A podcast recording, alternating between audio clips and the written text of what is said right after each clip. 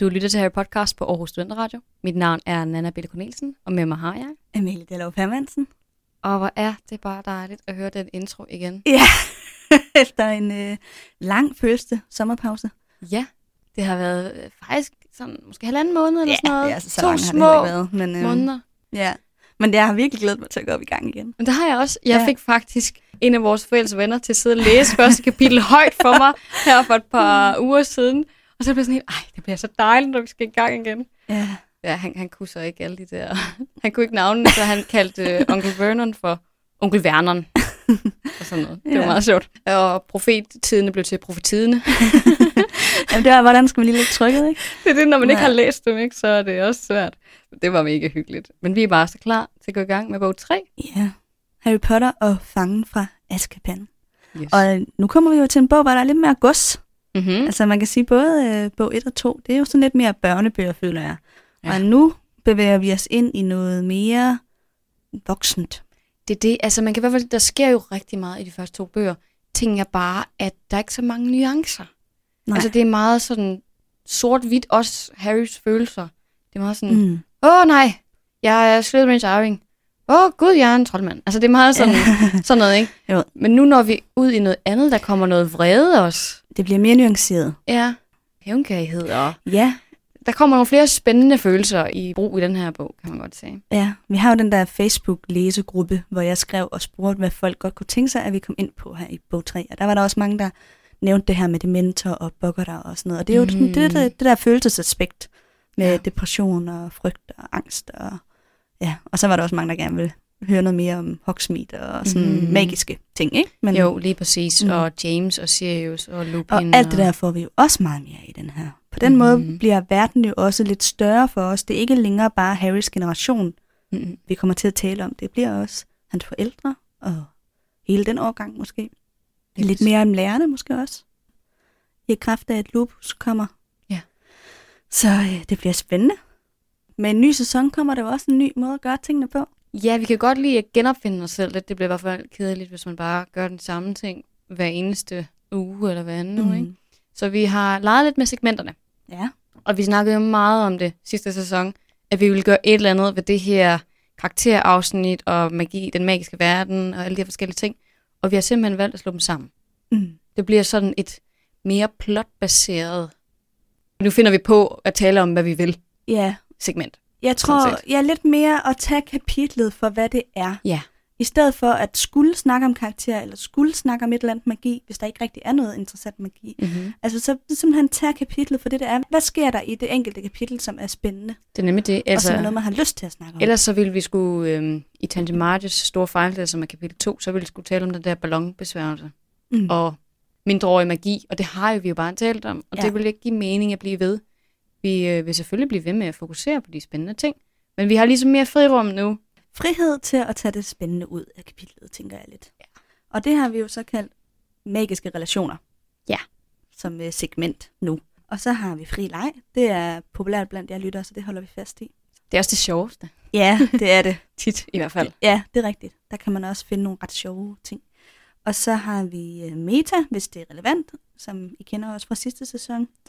Og så har vi indført et nyt segment, Mm-hmm. som vi har valgt at kalde ulepost. Ja. Fordi vi er jo begyndt at få så mange beskeder og spørgsmål fra jer søde lyttere, at øh, nu skal det simpelthen have sit eget segment. Ja. Så hver uge tager vi et nyt lytterspørgsmål op, Mm-hmm. og diskutere det. Nogle gange er det noget, hvor at I spørger ind til noget om, hvad synes vi om et eller andet. Der er det jo bare vores egen holdning.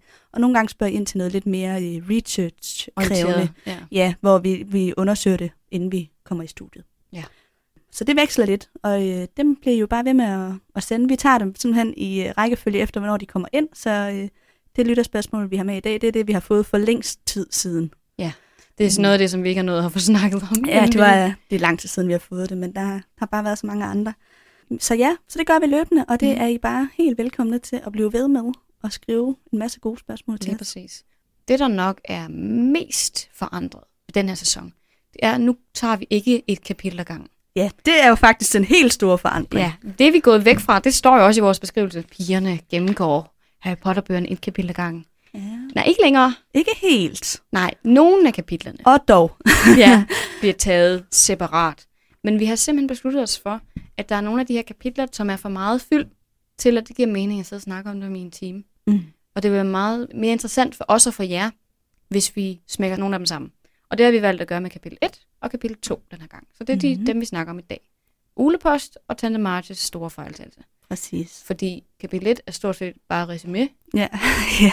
ja, det var det kapitel, jeg skulle forberede. Ja. der var ikke så meget at dykke ned i. Og det er jo så derfor, det er en rigtig god idé at slå dem sammen. Lige præcis. Så kan vi, altså i stedet for at skulle sidde og lede efter de der små nåle i den store magiske høstak, der hedder Harry Potter, Ja, så, så kan vi i stedet for plukke nogle lidt mere interessante ting ud, i stedet for at vi skal sidde og finde på alt muligt mærkeligt. Men når det er sagt, så er der jo nogle kapitler, hvor der sker nogle ret interessante ting, og Ja. ja. hvor at vi bliver nødt til at dedikere noget tid til at dykke ned i et eller andet sikkert. helt specifikt. Så det vil sige, at der også er nogle af kapitlerne, som vi selvfølgelig ikke slår sammen, som vi beholder til et helt afsnit. Så det vil sige, at vi i alt har 22 kapitler i den her bog, som Mhm. mm. bliver til 14 episoder. Ja. Og så kommer der lidt live shows og noget ind imellem, så der kommer jo flere i den her sæson. Lige præcis. Det kan Men- jo også tænkes, at vi laver nogle minisodes eller får inviteret nogen ind. Men Ja. øh, vi har en forhåbning om, at det giver os plads til Frihed til at... Ja. Ja. at finde nogle mere interessante ting, i stedet for at skulle sidde og snakke om Quidditch i en time, eller hvad ved jeg. Ja, men, øh, vi kan godt afsløre, at alle de der kapitler, der handler om Quidditch, har vi slået sammen. Der var også mange kapitler i den her bog, der hedder ja. Ja. sådan noget med Quidditch, hvor vi var sådan, for helvede. Og der er selvfølgelig det mentorer med i nogle af de her kampe, det ved vi godt. Men så er det så også det, vi vælger at snakke om, Ja. kan ja. man sige. Lige præcis. Ja. Der er sikkert nogen, der kunne finde noget meget symbolsk i, hvordan man flyver rundt på banen. Og Men det har vi jo også snakket om. Ja, det, vi, det er ikke vores forte. Vi er ikke sportsmennesker. Nej. Nej. Det er vi ikke. Til gengæld er vi andre ting. Ja. Og med det sagt, så tænker jeg, at vi skal komme øh, i gang Ja. ja. med øh, den her episode sådan rigtigt. Vi har jo både kapitel 1 og kapitel 2, så øh, altså, vi kører dem som et langt kapitel, kan man sige. Ja. Ikke? Altså, De er slået sammen. de er slået sammen. Og du står sådan cirkus for kapitel 1, og Ja. jeg står for kapitel 2. Lige Så det er den del, vi hver har researchet. del. Lige præcis. Men øh, ja, lad os se, hvordan øh, det bliver.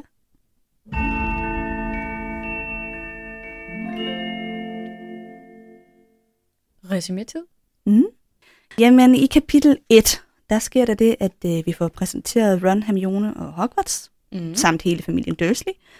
Der er desuden en øh, resume af, hvem Voldemort er, og hele Harrys situation, hvorfor han er hos familien Dursley. Alt det her, som vi faktisk godt ved i forvejen. Det, der sker i de sidste to bøger. Ja, de sidste to bøger er lidt som opsummeret på et kapitel her. Der sker selvfølgelig også nogle andre ting, for eksempel så får han fødselsdagskort fra Ron, Hermione og Hagrid.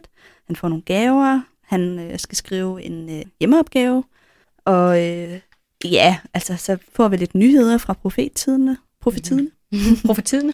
som jeg også vil øh, gå lidt i dybden med. Så lidt sker der, men ja. det Ja. er primært et langt resume af bog 1 og 2. Ja. Mm. Lige præcis. Og så i kapitel 2, der har han jo fødselsdag, Mm. fordi han bliver jo 13 der om natten, mens han sidder og laver sin lektier. Han kommer ned der om morgenen og ser, at Sirius Black, eller en eller anden undvigen straffefange, er i tv'et. Det hører vi lidt om. Så får han at vide, at Tante March kommer på besøg, og han laver sådan en aftale med onkel Vernon om, at øhm, hvis han går med til at lyve om, hvad han laver, han er, skulle være på sådan en drengeanstalt, så kan han få lov til at komme til Hogsmeade, fordi Hogwarts har nemlig sendt et brev til ham om, at tredjeårselever må komme til troldmandslandsbyen Hogsmeade. Mm. Tante March kommer, det er frygteligt. Hun er der en uge, og han gør sit bedste for ikke at eksplodere, fordi hun er en frygtelig person, Ja. hvilket vi vil høre meget mere om. Hun er om muligt værre end Tante Petunia og vennerne til sammen. Det er hun. Ja. Hun er næsten den, altså, moklerversion af Umbridge, vil jeg faktisk våge på Det er faktisk et ret godt billede. Ja, ja ikke? Jo, Bare meget federe. Øh, professor Nidkær. Ja. Hun er, hun er ret skrækkelig.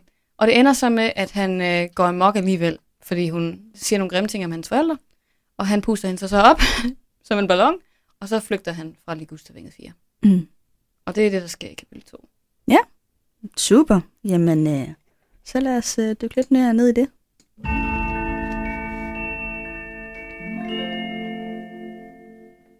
Jamen, så vil jeg øh, starte med at snakke lidt om de her magiske relationer, der sker i det her kapitel. Og jeg har fokuseret på tre ting, jeg gerne vil snakke om. Harry han får nogle øh, gaver her om natten, som du sagde, han har en fødselsdag.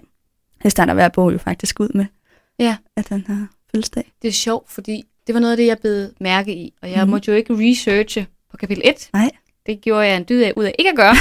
øhm, men hun blev ved med at skrive J.K., at han aldrig har fået et fødselskort før. Det skal hun mange gange, og det er så Mhm. stort. Han har aldrig fået et fødselskort før. Nu får han sådan en masse fødselskort. Men så tænker jeg, sendte Ron og Hermione ikke nogen året for inden, som Dobby bare snuppede? Jo. Korrekt. Han modtog dem bare ikke. Ja. Ja. Så han har jo nok fået dem, da han kom hen til Vindelhuset, vil jeg formode.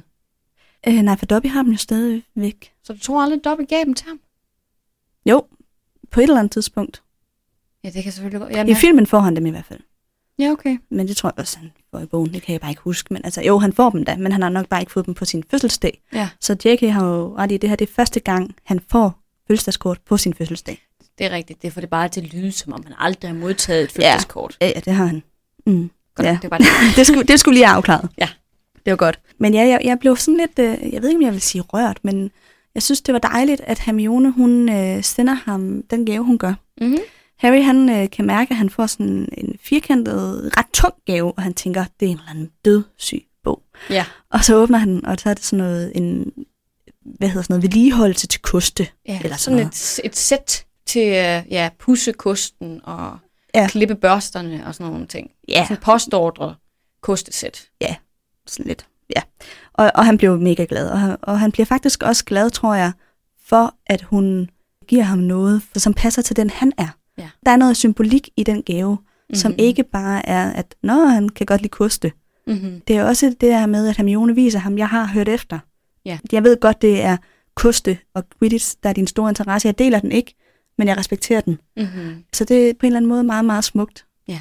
Og det er jo i virkeligheden også sådan, at man bør give gaver til sine Mhm. venner. Ikke? At give dem noget, de bliver glade for, frem for en øh, mere belærende gave.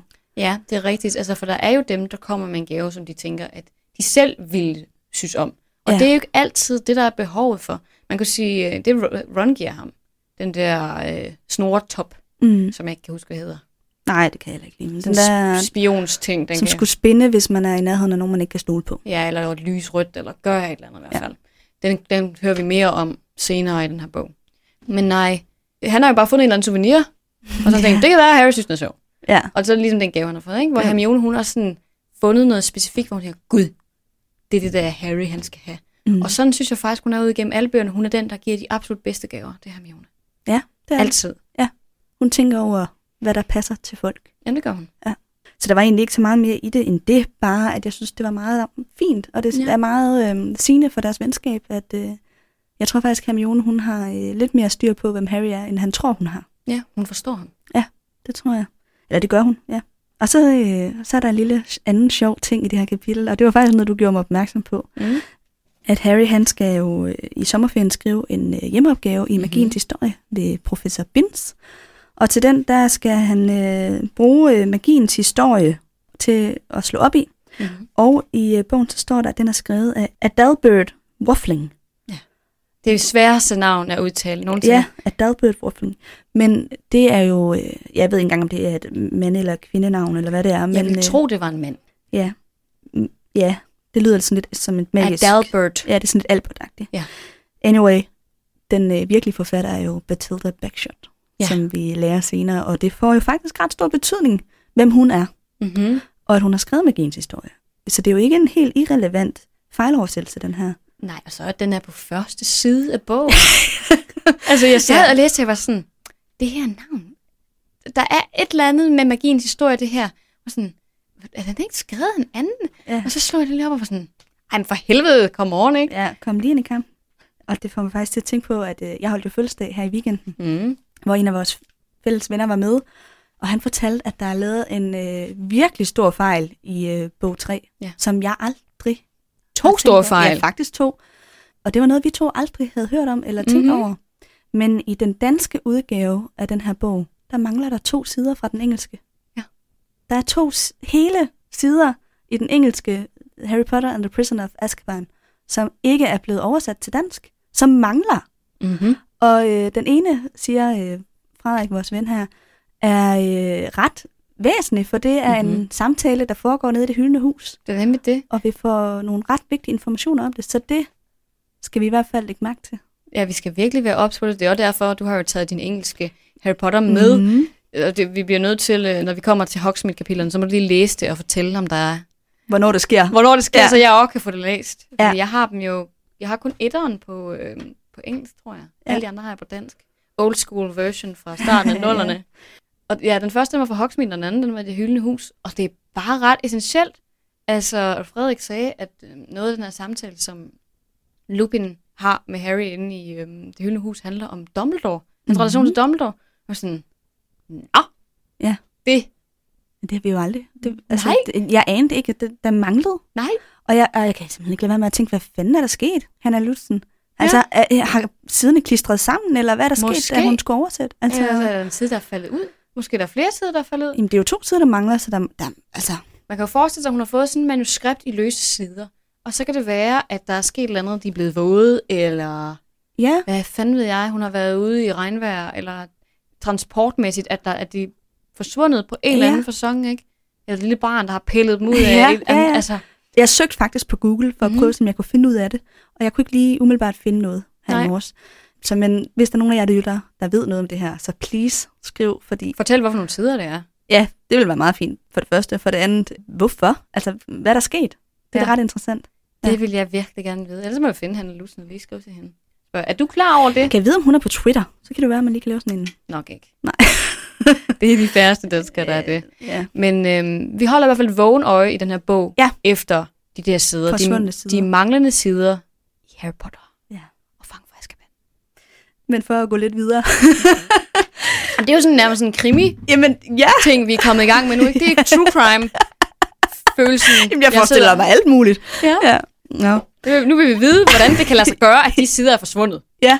Det er sgu ikke okay. Okay. Nå, men når det er sagt, så skal han jo bruge den her bog, fordi han som sagt skriver den her hjemmeopgave. Og det skal han, fordi han skal skrive en øh, opgave om øh, hekseafbrænding, og mm. Mhm. hvorfor at det ikke giver mening at lave de her hekseafbrændinger i middelalderen. Altså, jeg sad faktisk og spekulerede ret længe over det, da jeg læste, fordi der var et eller andet i mig, som jeg ikke rigtig kunne sætte ord på, som blev lidt provokeret. Mm. Mhm. Eller jeg, der var et eller andet i mig, som strittede. Altså, jeg tænkte sådan, der er noget galt i den her måde, det bliver i talesæt, det Ja. her med hekseafbrændinger. Fordi det er jo lidt nej, Der, ikke? det blev gjort nar af det, og der bliver brugt det her eksempel med hende her, øh, øh, nu kan jeg ikke huske, hvad hun hedder. Øh, Det hedder nu ikke vildt af vind, vindling eller sådan et eller andet. Vilma. Øh, Wendelin Wiltonsky, Ja. som med vilje blev taget til fange, fordi hun så godt kunne lide at blive brændt. Så hun prøvede det 47 gange. Altså jeg sad og tænkte lidt lang tid over, sådan, hvorfor er det, at jeg bliver på en eller anden måde lidt påvirket af det? Altså, Mhm. Og jeg tror, det var fordi, at jeg... Altså for det første tror jeg, alle kan blive enige om, at den her del af vores historie med at brænde kvinder af på bålet, fordi de skiller sig ud, er Mhm. en sort plet. Altså det er jo simpelthen forfærdeligt. Ja.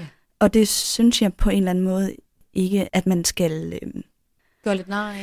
Ja, og jeg synes ikke, at man skal sådan øh, tage så let på det, Nej. hvis det giver mening. Det er faktisk sjovt, du siger det, fordi generelt så har Harry Potter-bøgerne i forhold til historie, i forhold til den tidligere historie med mokler og troldmænd, der har levet sammen, der har den jo været meget sådan, åh oh, nej, det var en sort tid, og det var virkelig ubehageligt, og det er derfor, at der er så mange, der har problemer med mokler den dag i dag i bøgerne, mm-hmm. Mhm, Ja, fordi at der, har været nogle krige, der, har, og været nogle, der har været virkelig mange ubehageligheder mm. og vold og blod, og det har været frygteligt. Og det her eksempel med de her hekseafbrændinger passer ikke sammen med det andet syn, vi får på fortiden med mokler og troldmænd. Lige præcis. Og så tror jeg også, jeg kunne ikke rigtig sætte ord på det, og så tænkte jeg længere over det, og så gik det op for mig, at grunden til, at jeg tror, jeg også blev lidt provokeret, det er fordi, at fokus for den her hjemmeopgave, det er, hvorfor var det ligegyldigt med de her hekseafbrændinger? Det var det, fordi heksene kunne alligevel ikke mærke det. Altså konklusionen på spørgsmålet, hvorfor var det nytteløst at lave mm-hmm. Mhm. hekseafbrændinger, det er, det er nytteløst, fordi hekse ikke kan mærke, at de bliver brændt, fordi de kan lave sådan en frysebesværgelse, så de ikke mærker ilden. Ja. Men hvad med alle de mokler, der faktisk blev brændt? De er ligegyldige. Ja, de, de bliver jo skrevet ud af den her historie. Fuldstændig. Altså, så præmissen for historien, det er den, jeg blev provokeret over. Det var egentlig ikke, at man... Jeg tror egentlig ikke, det var det der med, at man lavede sjov med det, eller at blive talesæt. Jeg tror, det var præmissen bag, hvis Mm. det giver mening. Det blev meget filosofisk, det her, men det... Jamen, jeg synes faktisk, det er et rigtig godt spørgsmål at stille, fordi det er rigtigt. Det viser også bare generelt, hvordan hele troldmandssamfundet ser på mokler og deres sådan, plads mm. Mm. i verden. Ikke? De er Jo. jo. fuldstændig ligegyldige. Ja, De har ingen værdi. Og det er ligegyldigt, om der er nogle mokler, der bliver begrænset, fordi når ja, de vil jo alligevel gerne brænde heksene og troldmændene. Så altså, de kan jo lige så Præcis. godt dø, ikke? Jo. Og det er jo typisk kvinder, der er blevet brændt. ja. Det er Så så er det oftest. er jo også et eller andet Mærkelige- med kvindesyn, Ja, ja, ja. altså kvindemokler, ikke? Mm-hmm. Som Mhm. er nederst i fødekæden på en eller anden måde Jo. i det her. Som måske også har dablet lidt i noget naturmedicin og sådan noget. Ja, Ikke? jo. Som, ja. Ja, jeg tror, det er den der bagvedliggende præmis, som jeg blev øh, stødt af på en eller anden måde. Ja, Jamen, det forstår det, jeg godt. det er nok det, jeg er kommet frem til. Fordi man, jeg synes godt, man må lave jokes, og jeg synes godt, man må grine af ting, der er svære. Mhm. Mm. Men jeg køber ikke præmissen om, at problemet med hekseafbrændingerne ikke var, at heksene ikke kunne mærke det, men at moklerne, altså, eller, at det var ligegyldigt, at moklerne kunne mærke det. Altså Mhm. sådan, det er der, tror jeg, at det, det hele menneskesynet bag. Jeg ved udmærket godt, hvad du Ja. ja. mener, og jeg synes, det er helt rigtigt. Men jeg synes heller ikke, det passer sammen med hendes generelle Nej, syn. historiske på syn. historien. Nej, Nej. det, tonen er mærkelig. Ja. I forhold til alt det her med de her nissekrige, og jeg ved ikke mm. alt hvad. Mm. Og det her, det er jo faktisk et historisk faktum. Ja, det er jo så faktisk noget, der er sket. Lige præcis. Det er ikke en fiktiv historiefortælling. Ja. Ja. Nå. Virkelig interessant. Ja, det er det nemlig. Det synes jeg. Og så en sidste ting i det her kapitel, som jeg gerne vil lægge vægt på, når det lige er, vi snakker Mm. om øh, J.K. Rowlings, hvad skal man sige, måde at portrættere et emne på, det er hendes øh, tilbagevendende harme over småborgerlighed. Ja, den kommer også til udtryk i kapitel 2, kan jeg sige. Ja. ja, det er jo herligt. Altså, hun er simpelthen så ironisk, når hun beskriver hele det her forstadsmiljø. Mm-hmm. Og der er der lige en scene, jeg gerne vil øh, Er det det med bilen? Ja. Fordi øh, herr Dursley, han har fået en ny firmabil. Og øh, så står der her, øh, onkel Vernon, tante Petunia og Dudley var gået ud i forhaven, hvor de stod og beundrede onkel Vernons nye firmabil. De var meget højrystede, så både naboer og genboer også kunne få glæde af nyheden. Jamen, det drypper bare af sarkasme, ikke? Jo. Og det var egentlig ikke, fordi jeg vil sige så meget mere med det, andet end at jeg synes, hun har humor. Jamen, det har hun. Og Hun gør selvfølgelig også lidt grin med de her forstadsdyder, og hvad er øh, det gode liv, tanken om det gode liv, og det, Mm. er tydeligt, at J.K. Rowling ikke mener, at en ny firmabil er øh, svaret. Nej, og heller ikke, at man skal prangende indvige alle andre i det på den måde. Igen, altså sådan en tante Petunia, der stikker halsen over hækken for at kunne følge med i andre samtaler. Det er Mm. Ja. ja. ligesom billedet af alt det, hun hader. Ja, lige Tror jeg. præcis. Godt, jamen, så vil jeg prøve at hoppe lidt Ja. videre til mine relationer. Jeg har ikke så meget magi i mit. Mit, det er mere de menneskelige interaktioner, kan man vist godt sige. For mm. der sker rigtig meget i kapitel 2. Ja. Det er jo med den famøse scene, hvor Tante Mars bliver pustet op og øh, svæver udenfor. Det sker ikke i bogen. Eller i bogen. Det sker i filmen. Mm. Men hun bliver pustet op. Og øh, kan så ikke lige komme ned igen. Nej. Jeg tror faktisk aldrig, vi får øh, at vide, hvad der sker efterfølgende. Men det er mm, altså, Ministeriet for Magi, der kommer og sådan punkterer hende. Og give hende en forglemmelsesbesværgelse. Men jeg tror ikke, det står decideret i bogen egentlig. Ja. Nej, det kan godt være. Det får der ved i filmen, kan jeg huske. Det er rigtigt. Nok om det. Ja. Jeg vil øh, gerne fortælle lidt om familien Dursley. Mhm. Fordi vi har jo stadigvæk fatshaming. Ja. Og jeg ved godt, I har hørt det mange gange, og I bliver ved med at høre det, indtil hun stopper med at fatshame familien Dursley. Mm. Fordi det er altså stadigvæk ret ekstremt. Det er sådan noget med, Dodge, øh, Dudley han har små griseøjne. Mm. Mm. Han har fem hager, der uafbrudt bævrer. Han har endda tykt blondt hår. Mm. en fed skulder. Altså, han er ligesom fed på alle måder, man overhovedet kan være det. Selv håret. Selv håret er fedt, ikke? Men generelt sådan hele familien Dursleys kroppe bliver sindssygt karikeret, fordi onkel Vernon, han er også sådan en korpulent mand uden synlig hals. Mm. Han har et rødbedefarvet ansigt og et rødbedefarvet næve, og så har han også en fed pegefinger. Petunia, hun er altså redmager og har et hestefjes. Ja, og Altså, altså, senet og knoglet og se Ja, på, ikke? lige præcis. Og det samme, når Martin kommer, hun er også, ligner sin bror, har bare lidt mindre mustache, ikke? De bliver virkelig karikeret. Ja. Og det tror jeg også, som vi har været inde på før, det har simpelthen noget at gøre med Harrys syn, fordi det er den eneste måde, han ligesom kan hævne sig lidt på dem, ja. det er ved at tænke de her ting om dem.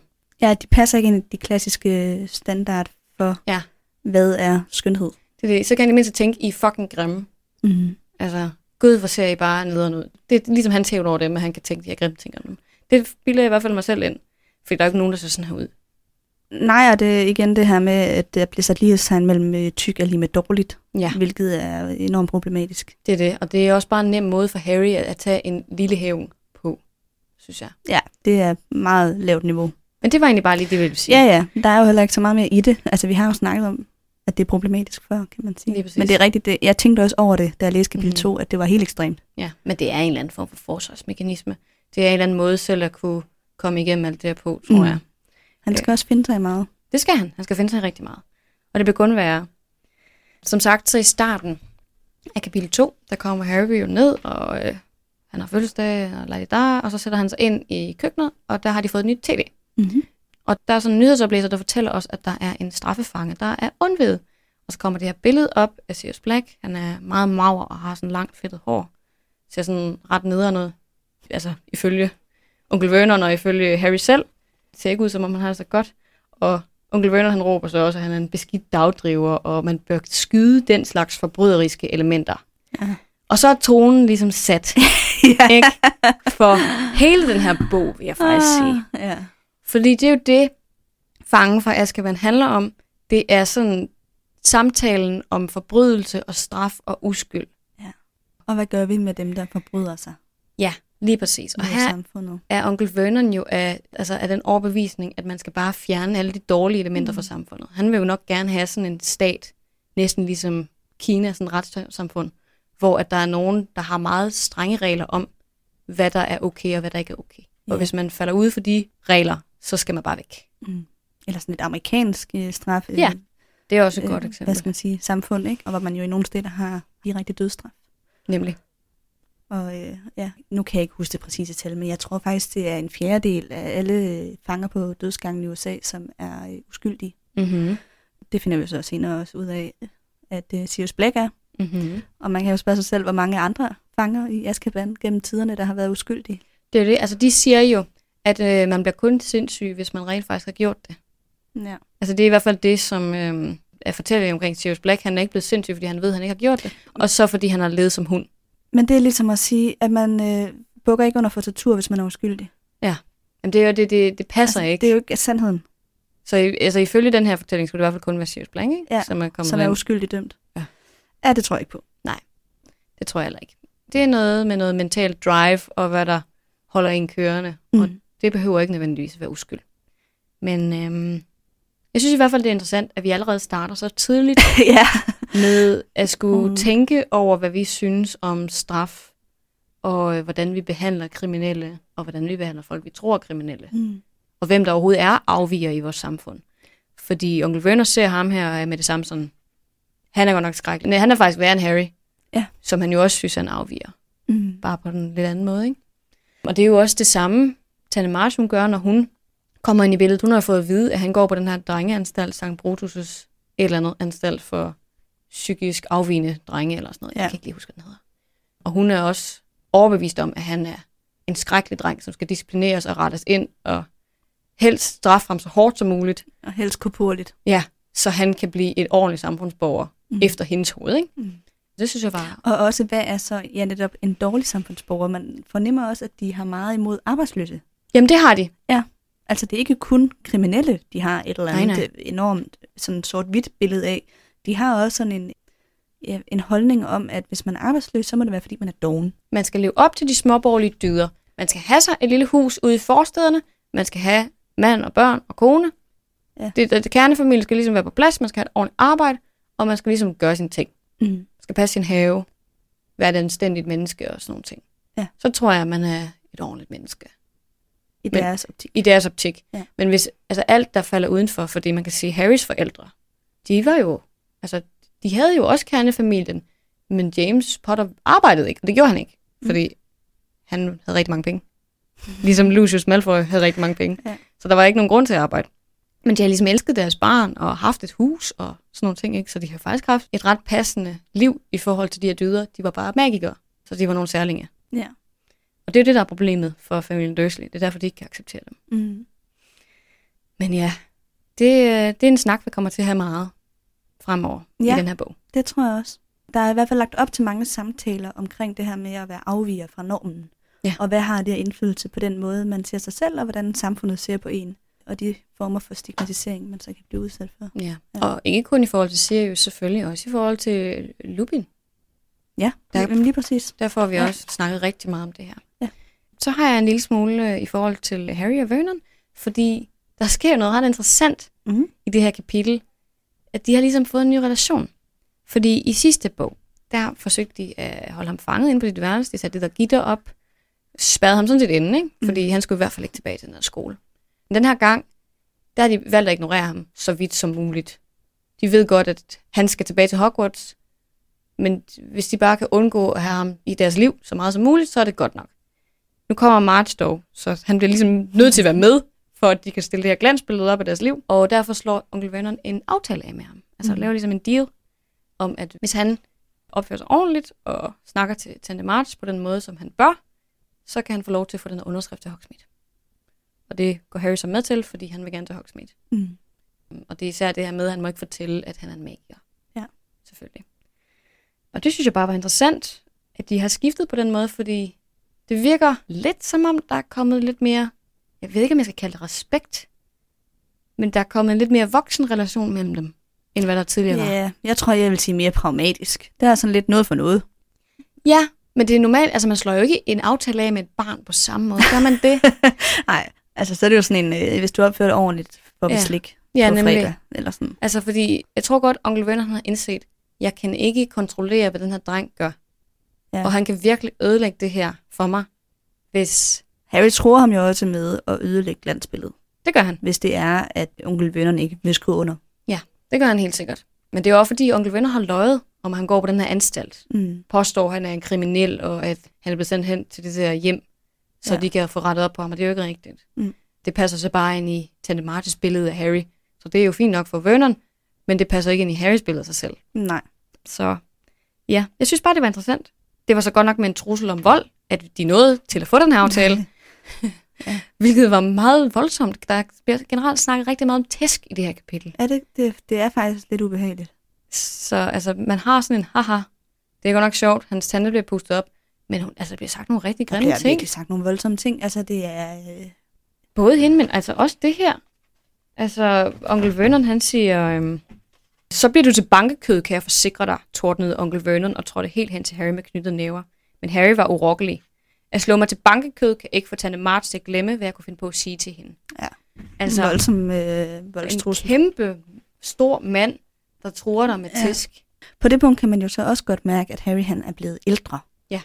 I og med, at øh, sproget har udviklet sig. Det er mere øh, Forhandle med. forhandlende og mere voldsomt. Altså, ja. eller sådan mere i hvert fald fysisk. Ja. På en eller anden måde.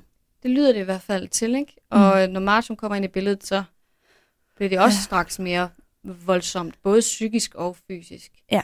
kan man vist godt se. Så det leder jo egentlig let hen til at snakke om Tanne Mars. Ja, Det her det er første og sidste gang, vi nogensinde møder hende. Ja.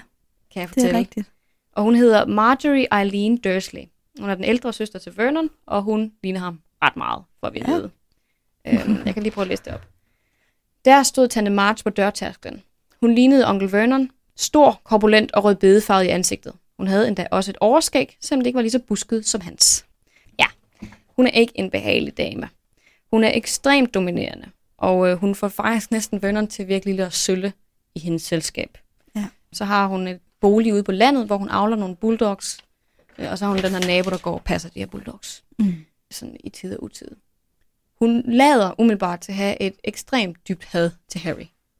Vi ved ikke rigtigt, hvorfor, Mm. mm. men det skyldes nok også de her småborgerlige dyder, som hun virkelig holder i hævd. Og muligt har endnu mere sort-hvid billeder af mennesker, end, end Vernon har, ikke? Det er det. Altså, Ja. ja. hun ligger virkelig ude på det, jeg vil sige, er sådan højrefløjen.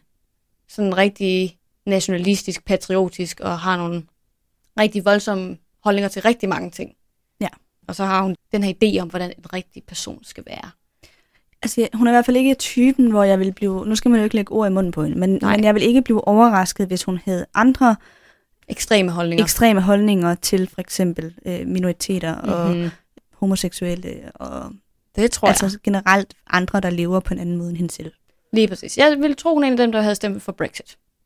Ja. Det kunne jeg godt Ikke forestille at alle, der stemte på Brexit, har de holdninger, men mig. Nej, nej. ja, det er rigtigt. Mm. Ja. Uanset hvad, så virker det næsten som om hendes had til Harry er større end familien Dursleys til sammen. Som du også sagde, hun ja. Ja. er næsten mere ubehagelig over for ham, end de er. Hun taler meget grimt til ham, og hun snakker også ret meget grimt om hans familie. Mm. Og så giver hun udtryk for, at hun gerne vil have, at han bliver udsat for fysisk vold på den her skole. Altså, Ja. så skal de give dig nogle flere tæsk med det der spansk rør, fordi du er tydeligvis ikke blev disciplineret nok, når mm. du Mm. kan sidde og grine sådan til mig. Mm. Det er han jo heller ikke, fordi han får ikke tæs på Hogwarts, Nej. så hun kan have ret i det. Men øhm, det er jo så ikke sådan, man opdrager børn. Det er måske nok også derfor, det er meget godt, hun opdrager hunde. Det tror jeg Ikke er fordi man rigtigt. heller skal slå hunde, men altså, Nej, det lyder som om, at hun har et meget øh, forkvaklet forhold til børneopdragelse i hvert fald. Ja, det har hun helt sikkert. Jeg synes, hun taler ind i den samme diskurs om straf, som onkel Vernon gør. Hun er mm. Mhm. næsten mere strid at høre på, ikke? Jo. Så sker der så det her, at hun sviner Harrys forældre til den sidste aften. Hun siger, at Lily, hun var, eller sammenligner Lily med en hund, som var blevet druknet året for inde på hendes kennel, som var et uselt eksemplar og sådan en lille afpillet kræ. Hun siger, hun var et rådent æble, altså sådan genetisk set. Og James, han var et skvat og en doven samfundsnasser. Ja. Fordi hun har fået at vide, at han ikke arbejdede Ja. af vennerne på Junior. Og øh, det er jo så her, hvor Harry han flipper fuldstændig ud. Han kan, Ja. ikke, han kan ikke holde det inde mere. Det kan jeg altså også godt forstå. vil jeg Ja. sige. Hun har tidligere i løbet af de syv dage gået og sådan drysset med de her ting, og hver gang så er Harry blevet sådan, tænk på Costa. ja. Og, og det har så egentlig lykkedes fint, indtil han, hun begynder at sidde og kritisere hans forældre. Ja. Der går det virkelig galt. Og ja. Ja. så pusser han hende op til den her ballon, som hun bliver. Og ja, så sker der jo alt det andet. Han stikker af med sin kuffert, og så videre, så videre. Og de ting kommer vi til i næste kapitel. Mm. Men øh, ting er, jeg fandt faktisk lidt ud af, hvorfor hun tænker sådan om Harry. Hvad ja. Ja. noget grund til, at hun opfører sig på den måde, hun gør. Og det skulle ifølge Pottermore være for det første, fordi at Petunia og vennerne lader hende tro de her ting. Hun har jo et eller andet, nogle De forudsætninger. modsiger ha- hende jo heller ikke. Nej, de vil helst have, at hun bilder sig selv nogle historier ind. Og så er det lidt ligegyldigt, hvad det er. Mm. Hun vil godt tro, at Harry han er kriminel ung, Mm. og derfor fortæller de hende også den her historie, og hun tror så på det. Fordi mm. Mm. det er bedre, end hun tror, han er magiker. Ja. Og så var der så en ekstra lille ting, nemlig øh, den her Oberst Fubster, som hun nævner. Ja. Fordi hun nævner ham jo faktisk flere gange. Det er noget af det første, hun siger, da hun kommer ind i huset, det er, at ham her Oberst Fubster, han tager sig af de her hunde, men jeg har så Ripper med mig. Mm. Og jamen, øh, han druknede den der hund sidste år og sådan nogle ting. Ting er, at Tante March, hun er dybt forelsket Ah. i Oberst Fubster. Men han kommer aldrig nogensinde til at ville gifte sig med hende, fordi hun er så nasty en person. Hun er simpelthen Hvorfor så... hjælper han hende så? Jamen, jeg tror bare, det er sådan et... Man kan jo godt være venner, men Ja. hun er så ubehagelig, at han kunne ikke finde på at Nej. være i et forhold med hende. Og så bliver hun så bitter over det, at hun vender sin vrede udad mod alle andre. Der er blandt Harry. Og det står på Pottermore. Mm. Så det, Det, så det er, er helt faktum. sandt. Ja. Det er fra J.K. Rowlings egen tanke, Ja. kan man vist godt sige. Og så en lille fun fact mere om søde Marge. Marjorie, det er en variant af Margaret, og hun skulle åbenbart være inspireret af den tidligere premierminister, Margaret Thatcher, Aha. som J.K. Rowling Nå. virkelig ikke kunne lide. Ja. Så ja, det er lidt pudsigt. ja, det er lidt sjovt. Det vidste jeg ikke. Nej, det vidste jeg heller ikke. Nej. Og så under hele den her navneetymologi, hvor der står, hvor navnet kommer fra, der stod der også noget om Dursley efternavnet, Nå. som jeg faktisk ikke tror, vi har snakket om før. Nej. Det skulle øh, nemlig komme af, at Rowling hun havde været på besøg i en lille by i Gloucestershire i England som barn, som hun virkelig ikke kunne lide, og den hed Dursley. Nå. Hun synes, den var så kedelig og nederen, så derfor har hun valgt at opkalde familien Dursley efter den Ja. by. Der er meget symbolik i de navne, der er. Det er Ja. ja. virkelig interessant. Ja. Så øhm, det var min lille ting om øh, ja, Tante March og generelt mine magiske relationer. det var spændende. Jeg synes, det er meget interessant, det der med, at det sådan er øhm, ulykkelig kærlighed, Jamen- der får hende til at reagere så øhm, voldsomt. Jamen, det glæder mig faktisk også lidt, at hun ikke bare er sådan en totalt sort-hvid karakter, men Nej, også hun er en... ikke inkarneret ond. Nej, Hun er bare også et lidt sørgeligt menneske i virkeligheden. helt sikkert. Ja. Bor derude sammen med de Det der ikke, at hunde. det undskylder noget, men det, det forklarer ting. det forklarer noget, lige præcis. Og det er rigtig dejligt, fordi det er også det, Det, det der det giver gør, også et mere nuanceret billede af hende. og det gør også noget godt for bogen, at de onde ikke bare er onde. Mm. Altså, ting er jo med Voldemort. Vi får lidt en forklaring til det her med kærlighed, ikke? Og at hans mor har lavet den her kærlighedseliksir, og han derfor er født i et kærligheds... Vokset op på et børnehjem. Og... Lige præcis, lige Ja. præcis. Men sådan en som Umbridge, der får vi aldrig rigtig at vide, hvad der skulle gøre hende så vanvittig. Nej, det kan jo være, at der også er en historie om hende inde på Pottermore. Det kan sagtens tænkes. Men det er bare godt, at de onde ikke bare er onde, men ja. Ja. at de også er nuancerede mennesker, som kommer dertil af en vej, ikke? Lige præcis. Og ligesom de gode heller ikke bare er gode. Altså alle mennesker har jo godt og ondt. Lige præcis. Ja. Så ja. Ja. ja. Hun bliver punkteret ja. efter det her lille optrin med at blive pustet op, og hun får lavet den her forglemmelsesbesværgelse. Og så kommer hun aldrig på besøg hos familien Dursley, mens Harry er der længere. Det var Nå. ja. sidste gang, det skete. Så okay. han Okay. ser hende faktisk aldrig igen. Nå, men det er han nok meget glad for. Det tror jeg. Nå, men det er spændende.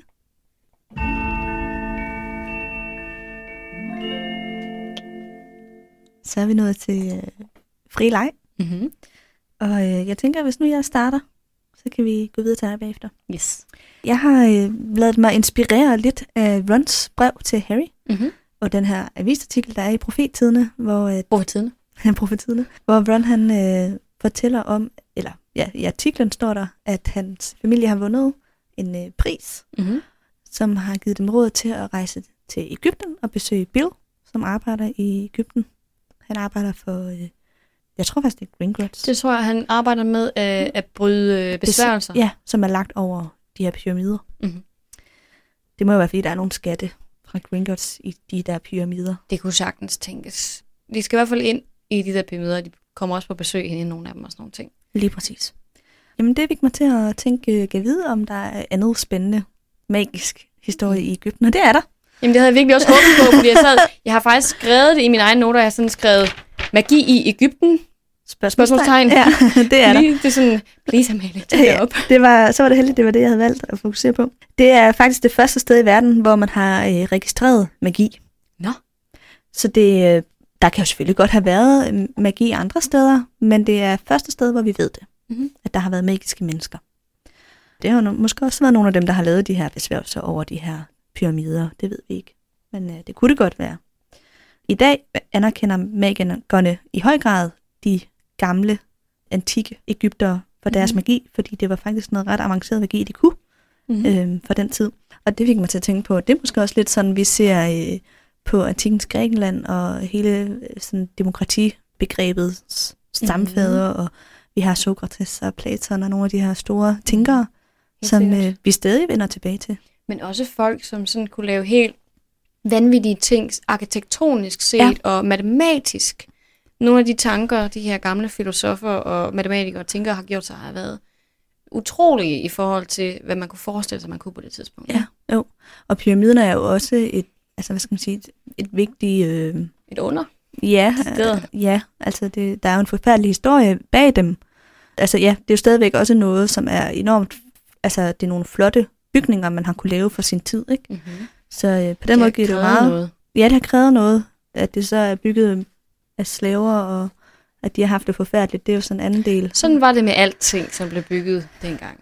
Ja, det er det jo. Alle flotte gamle bygningsværker og templer Ja. ja. og, og sådan noget, det, har jo, Kirker, det hele. det hele er jo lavet af slaver. Ja. Ja. Eller i hvert fald folk, som ikke har været særlig godt betalt, Ja. kunne man forestille Ja. sig. Nå, det var egentlig ikke, fordi jeg ville derud af, men det er rigtigt. Ægyptere, magiske Ægyptere i dag, de kan gå på øh, en skole, der hedder Ouagadougou, mm-hmm. som ligger i Uganda, Mhm. Ja. og er den største afrikanske skole, måske faktisk den største skole i verden. Den er også for hele kontinentet, er den ikke det? Jo, altså der er også andre magiske skoler i Afrika, Nå. men det er ikke nogen, der er anerkendt.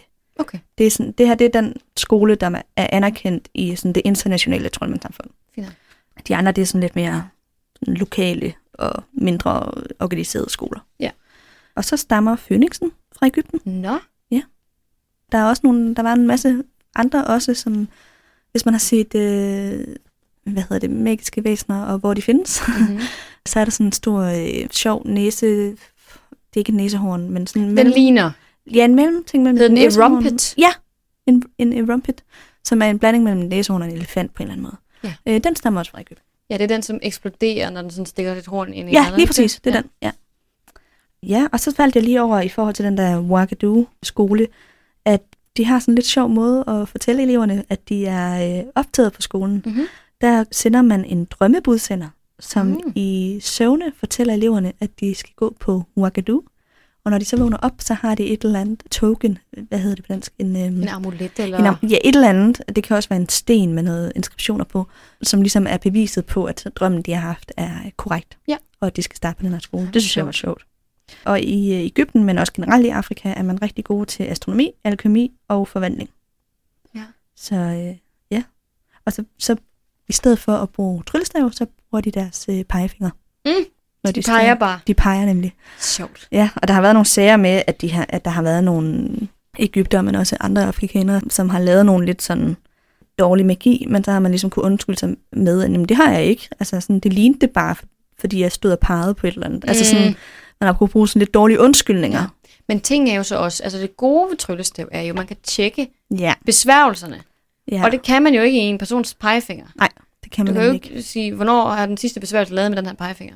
Nej. Men man kan sige, der er heller ikke nogen, der kan stjæle en pegefinger og bruge den til at lave magi med. Nej. Så det er jo rigtig smart. Mm-hmm. Ja, det er meget interessant. Der er jo også nogle sjove sektioner i det der brev, hvor Ron han fortæller om deres besøg i Ægypten. Ja. Blandt andet, Ja. at, de, øh, at der var en pyramide, som var fyldt med mutantmoklere mennesker, ja. der stod. Hvor de havde fået et ekstra hoved. Altså Ja. ja. skeletterne havde sådan to hoveder. Lige præcis. Ja, det var en eller anden, noget magi, som nogle troldmænd havde lavet på den her pyramide, så alle de mokler, der gik derind, de ville dø, og så ville der vokse et ekstra hoved ud på dem. ja lige Ja. præcis.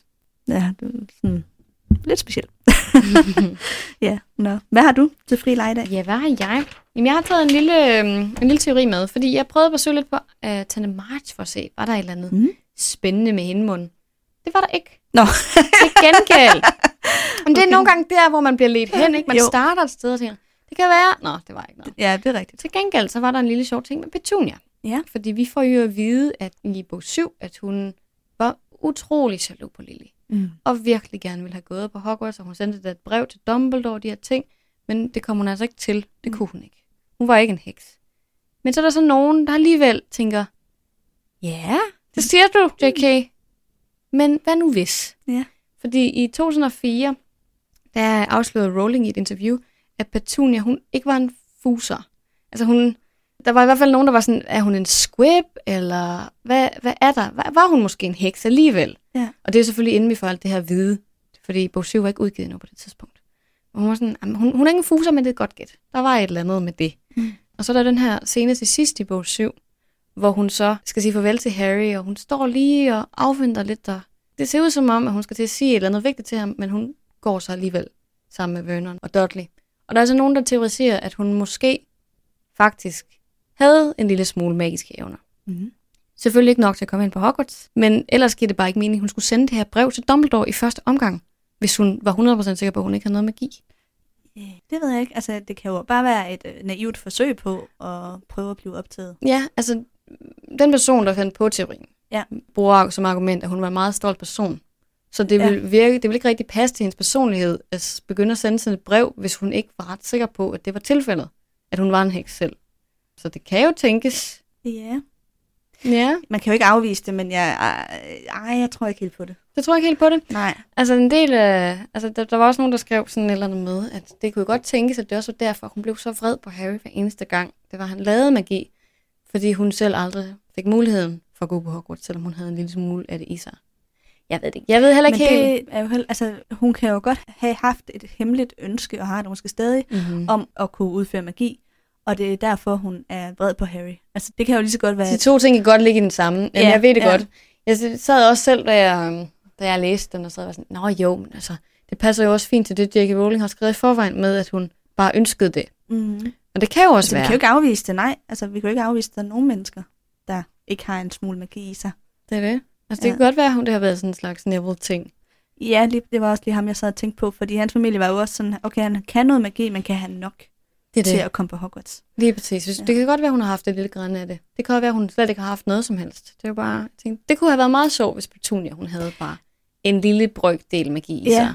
Det ville være lidt dejligt på en eller anden måde. Ja. men man kan sige, i og med, at mokler og troldmænd gennem hele historien har fået børn på kryds og tværs, Mm-hmm. så vil der jo nok være mange mokler, som har en Det kan jo være lidt spektrum. Ja, lige præcis. Jeg tænker også, at det er et spektrum.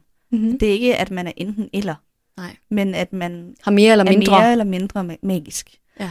Så det vil jo give mening ud fra den argumentation, at hun har noget magi i sig. Og i så fald, at det vil vi alle sammen have. Det vil Vernon og Dudley også have. Mm-hmm. Mm. Men at det bare ved nogen er så lidt, at altså, det, man Ja. ja. ikke ser det. Det er det. Nogle af de bare har et græn, så de slet ikke kan udføre, eller overhovedet bare, en- de kan slet ikke noget som helst magi, og kommer aldrig til at kunne det. Og så er der nogen, der måske kan gøre bitte, bitte, bitte, bitte små ting, Mm. når det virkelig er påkrævet, og så er det dem, som så rent faktisk kan gå hen og blive troldmænd Ja. og heks, ikke? Jo. Altså sådan en som øh, Mrs. Fix, vil ja. Ja. man jo formode, har noget mere, siden hun kunne komme i overvejelse til Hogwarts. Mm. Kunne blive anerkendt som en fuser. Der må man jo også have Jamen, en eller anden mængde, tror du ikke det? For mm, bare at kunne det er være en vel fuser. Jo. Altså, jo nogen, som... Eller er det så- så- alle, som ikke har magi? Jeg tror, det er magikere, som ikke har magi. Ja. Altså, det er nogen, der... Altså, hun er født af troldmænds forældre, men har ikke selv magi. Så det er måske det, der skal være kriteriet, at man skal have troldmandsforældre for at være en fuser. Ja, det tror jeg. Fordi en mokler, som er født af moklere, kan ikke være en fuser, tror jeg ikke. Nej vel? Nej. Jamen det er det, jeg tænker, det kan også være, det er det, Jackie har ment, at deres forældre er ikke troldmænd, så derfor kan hun ikke være en fuser, Ja. men hun er alligevel noget, der minder om. Ja, lige præcis. Så det kunne måske godt være. Altså, man kan... Altså, sådan lige sådan er lidt sådan freaky, ikke? Men altså, der er jo også... Altså, det skal der være plads til. Ja, Ja, ja, altså, ja. hvis vi kan have en teori om, at Ron måske er Dumbledore. Ja, så kan vi også godt lige snakke om det her. Men altså, man kan jo bruge det som forklaring på, at der nogle gange sker mirakler Ja. for mokler, ikke? Altså, at man Det er vildt, lige ja. undgår at blive ramt af den der bus, som Det er faktisk ellers rigtigt. ville gøre, at man var død. Fordi der er et eller andet magisk en, der får en til at reagere sådan prompte, Det er faktisk øh, øh, rigtigt. ligesom børn kan. Altså, Ja. Mhm. ja. magiske børn, de kan jo også gøre nogle mm-hmm. ting, ikke? Altså, så på den måde vil man jo godt kunne lave nogle argumentationer for, at alle moklere har et eller andet grad af magi, Mm-hmm. som kommer Ja, til fordi det er så udtryk i udvandet. nogle... Ja, men at det kan komme til udtryk i ekstreme situationer. Det synes jeg faktisk er et rigtig godt Øhm. argument. Og også det her med klavoyance, og Mhm. mm. altså sådan, at det også er måske... Altså, det tror jeg ikke rigtigt på, men man kunne jo godt øh, bruge det som et argument, fordi nogle gange rammer nogle af de her klavoyanter jo meget korrekt. Ja. Og siger faktisk nogle ting, hvor man tænker, det er der ikke andre, der ved det her. Nej, det giver faktisk Hvordan- mening. Ja, ja det kan jo godt være, at der er nogen, der kan sige noget rigtigt, Mm-hmm. 1% af tilfældene, men så er det Ja. lidt opspændt resten af tiden. Men lige den der 1%, det er magi. Jeg Mm. ved det ikke. Men det, jeg, synes faktisk, jeg synes faktisk, at det er en rigtig god måde at, at se det på. Fordi vi ved jo, at det her magikerblodet er udvandet. Ja. Vi ved jo, at de har minklet på kryds og på tværs i mange hundrede år. Ja. Så hvis vi ser sådan genetisk på det, så giver det god mening, Ja. at man ikke bare, du ved, lige pludselig så er der en, der er en heks. Ja. Uden at alle andre også har fået en lille bitte smule af det hister her. Ja, ja, ja. Altså det fungerer bedre evolutionært, vil jeg sige, end bare at sige, Nå, men så hopper det her heksehalløj lige sådan en masse generationer over, og alle de andre, de er bare 100% mokler. ja, ja. Det tænker jeg Så også. tiltaler den der mig faktisk bedre. Mm-hmm. Ja, Ja. det, det synes jeg faktisk giver sådan okay god mening. Ja. Hvis jeg skal være helt ærlig. En ting jeg også, de skrev i forhold til det her med Petunia, at øhm, det kunne jo også tænkes, at nogle af alle de incidents, der er, mens Harry er barn, Ja. kan være skyld i Petunia, og ikke Harry. Og hun ja. så Ja. bruger Harry til at cover op. Som søndebuk. Ja. ja. kunne Alt være det der sjovt, med, at hvis hans det var hår tilfældet. vokser ud så hurtigt, for eksempel. At det er Mm. mm. virkelig siden hende, der kommer til at få det til at gro så hurtigt. Eller et Måske. Eller andet. ja. Det er rigtigt. Jamen, den er lidt sjov. Altså, jeg kunne godt tro, at, at hun havde en lille bitte, bitte smule. Jeg ved ikke, om det ville være nok til, at hun skulle kunne gøre noget decideret. Eller at hun skulle, ja, få ting til at ske. Ja. Ja. Jeg tror ikke, hun har mere end, end så mange andre. Nej, du tror ikke, hun er mere end Vernon og Dudley måske? Nå, det kan selvfølgelig godt være, men det er også fordi, Hvis jeg de, hvis de er vores sådan de... Vores øh, øh, baseline. ja, baseline. Jo, så tror jeg også godt, hun kunne have mere end dem. Ja, ikke? Det er Jamen, det er godt. On that note, skal vi så gå videre? Ja.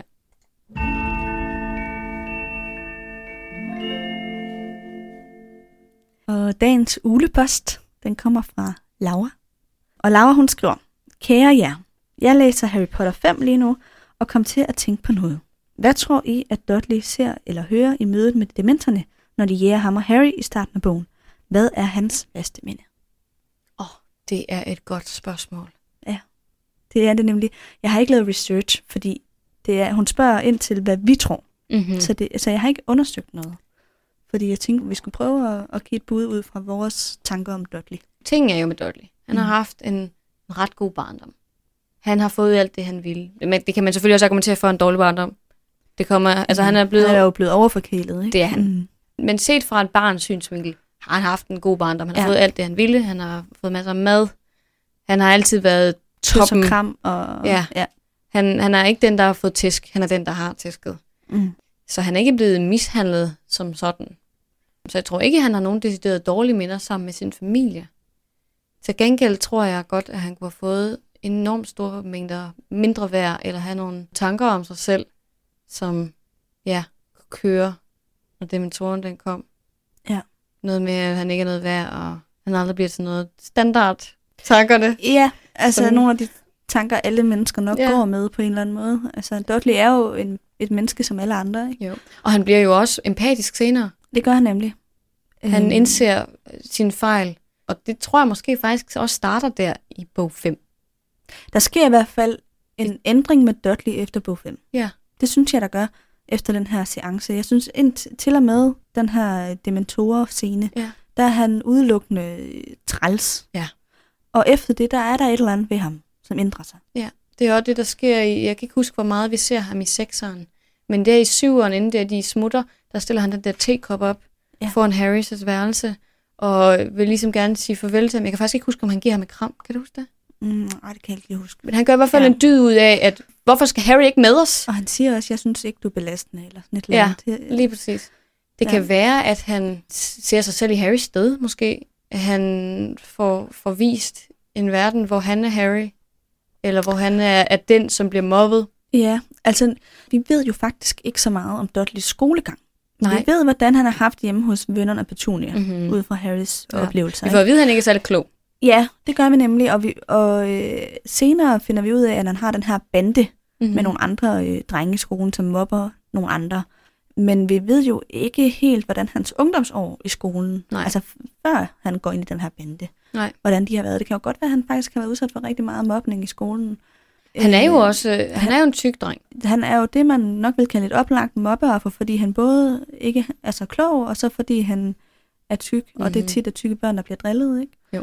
Så det kan jo godt være, at hans værste minde er noget fra skolen. Det kan godt være. At han er den mindste, der så bliver tæsket. Det, Det kan jo være, at det er det, der gør, at han selv reagerer sådan. Jeg selv bliver en, en mobber. Jamen, det er rigtigt. Og at han mobber Harry, som han gør. mm-hmm. Mm. for, Fordi det er et sted, han kan få, for hævn. få hævn. Ja. Eller få afløb for sine frustrationer. Jamen, det er rigtigt nok. Ja. Uanset hvad, så ved vi i hvert fald, at der sker et skift efter det dementorangreb. Er det Han godt nok? ser et eller andet, der gør, at han genovervejer, hvordan han skal behandle sin fætter. Mm. Uanset hvad det så kunne være. Jeg ved ikke, om det er noget, øh, som... Det kunne faktisk godt være noget, J.K. Rowling var blevet spurgt om i et interview på et eller andet tidspunkt. Måske. Så det kan være, at vi finder ud af, hvad hun vil svare. Men mm-hmm. øh, Mhm. det var i hvert fald vores svar. Yes.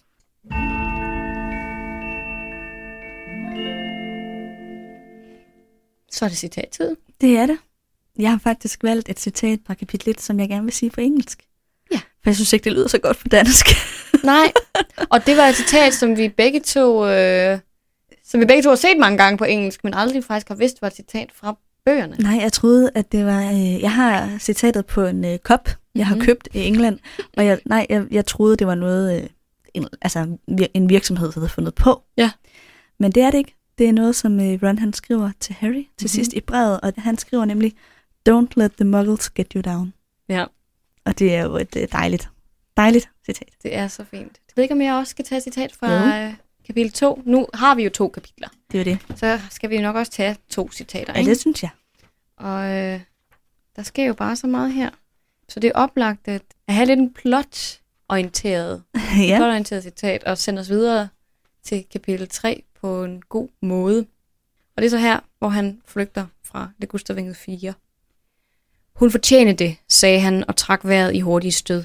Hun fik kun, hvad hun fortjente. Hold dig væk fra mig. Han henvender sig selvfølgelig til Vernon. Ja.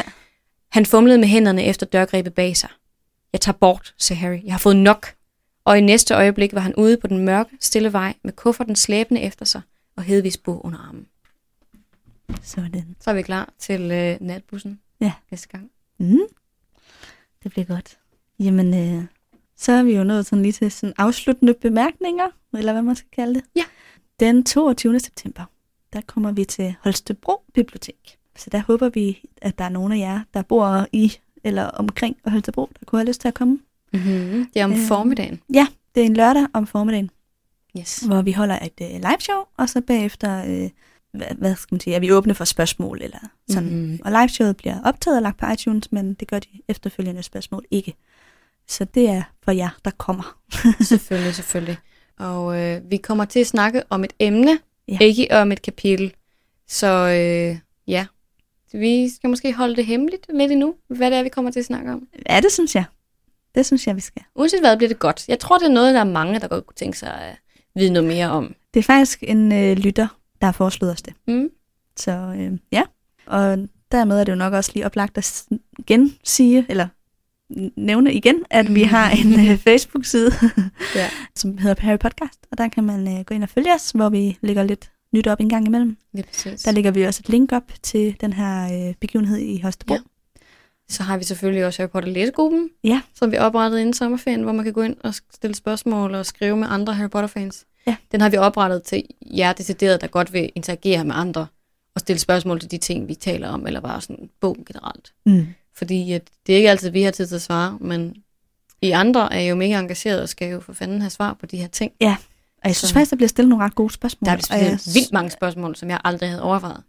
og jeg synes også, at der er mange, der er rigtig gode til at svare på dem. Det synes jeg også. Så øh, den vil jeg helt klart anbefale til jer, der har lyst til at engagere jer lidt mere mm-hmm. i det Mhm. her univers. Det er det. Jeg tror, der er en små 200 medlemmer inde i gruppen. Ja, det skal nok passe. Så der er i hvert fald en god mulighed for at få stillet og svaret på nogle spørgsmål. Mm-hmm. Godt. Ja. Øhm, og så selvfølgelig gå ind på iTunes og øh, like og skrive Subs- anmeldelser Mm. mm. og alt sådan noget. Ja. Det Det, bliver vi det, så glade for. det gør vi i hvert fald. Vi læser det hele. Så Ja. øhm, tak for det, Mette. Ja, selv tak, Nana. Det var sgu hyggeligt. Det var det.